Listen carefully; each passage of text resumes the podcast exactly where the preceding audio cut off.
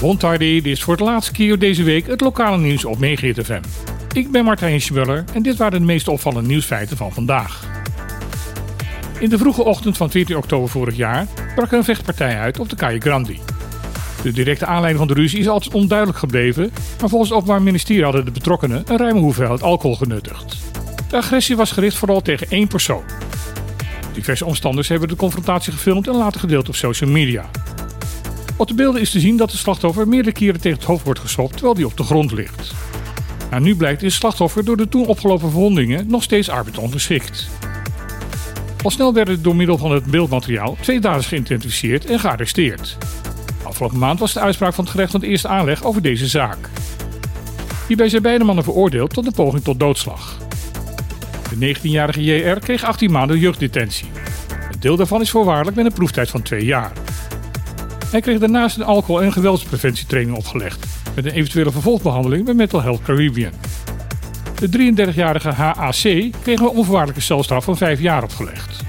De advocaat van de veroordeelde heeft aangekondigd hiertegen in beroep te zullen gaan. Er was door de overheid beloofd dat iedereen vandaag zijn of haar stempassen voor de verkiezingen op 15 maart in de bus zou hebben. Dat blijkt niet gelukt te zijn. Als reden voor de vertraging wordt opgegeven dat de passen laat uit Europees Nederland zijn verzonden. In een persbericht van het OB wordt nu gezegd dat uiterlijk op woensdag 8 maart de laatste stempassen bezorgd zullen gaan worden. Mocht je dan nog steeds geen pas hebben ontvangen, kun je vanaf de dag daarna, dus donderdag 9 maart, deze persoonlijk gaan ophalen bij de afdeling Burgerzaken. Deze afdeling is van 8 uur s ochtends tot 3 uur in de middag geopend en is gevestigd op de KJ Nederlandia nummer 40. Denk er wel aan dat je je cellulaar meeneemt en houd er rekening mee dat de wachttijden bij burgerzaken over het algemeen flink lang zijn.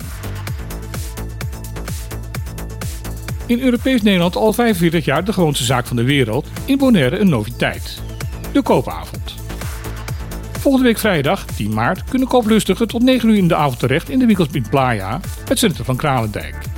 Ook aan het amusement voor de kleine kinderen is gedacht in de vorm van een springkussen. Het centrumgebied zal tijdens de koopavond afgesloten zijn voor al het verkeer. De initiatiefnemers van deze nieuwe reguliere koopavonden, de Tourism Corporation Bonaire en het Openbaar Lichaam, prijzen de vergrote winkelmogelijkheid aan met de opmerking dat het heel prettig is om te kunnen winkelen in de wat koelere avonduren. Maar vinden de beide instanties dat moet niet te vaak gebeuren. Want de nieuwe koopavond zal namelijk maar één keer in de maand georganiseerd gaan worden. Het TCB en het OLB zeggen dat de koopavond tot stand is gekomen in samenwerking met de betrokken winkeliers. Niet voor het eerst loopt het kleine eiland Saba weer eens voorop in de vernieuwende ontwikkelingen. Dat blijkt uit een artikel in de Nederlandse krant het NRC. Als je als bezoeker met het vliegtuig aankomt op de kortste commerciële landingsbaan van de wereld, zie je een veld van meer dan 5600 zonnepanelen tegen de wand van de vulkaan aanliggen. De aanleg hiervan is in 2018 al begonnen en kort geleden afgerond. Met de opening van dit nieuwe zonnepark is de elektriciteitsvoorziening van de Paardenhond Caribisch gebied voor 63% duurzaam en CO2-neutraal geworden. De CEO van Saber Electric Company, David Leoncy, denkt dat dit over twee jaar 90% zal zijn. De aanleg van het park was geen simpele opgave. Alle materialen moesten via boten naar het eiland gebracht worden en de zeehaven ligt aan de andere kant van het eiland. Het grote en zware materiaal moest daarna over de ene hoofdweg van het eiland vervoerd worden naar het vliegveld. De 14 kilometer lange weg kent stijgings- en dalingspercentages van bijna 35% en meerdere haarspelbochten.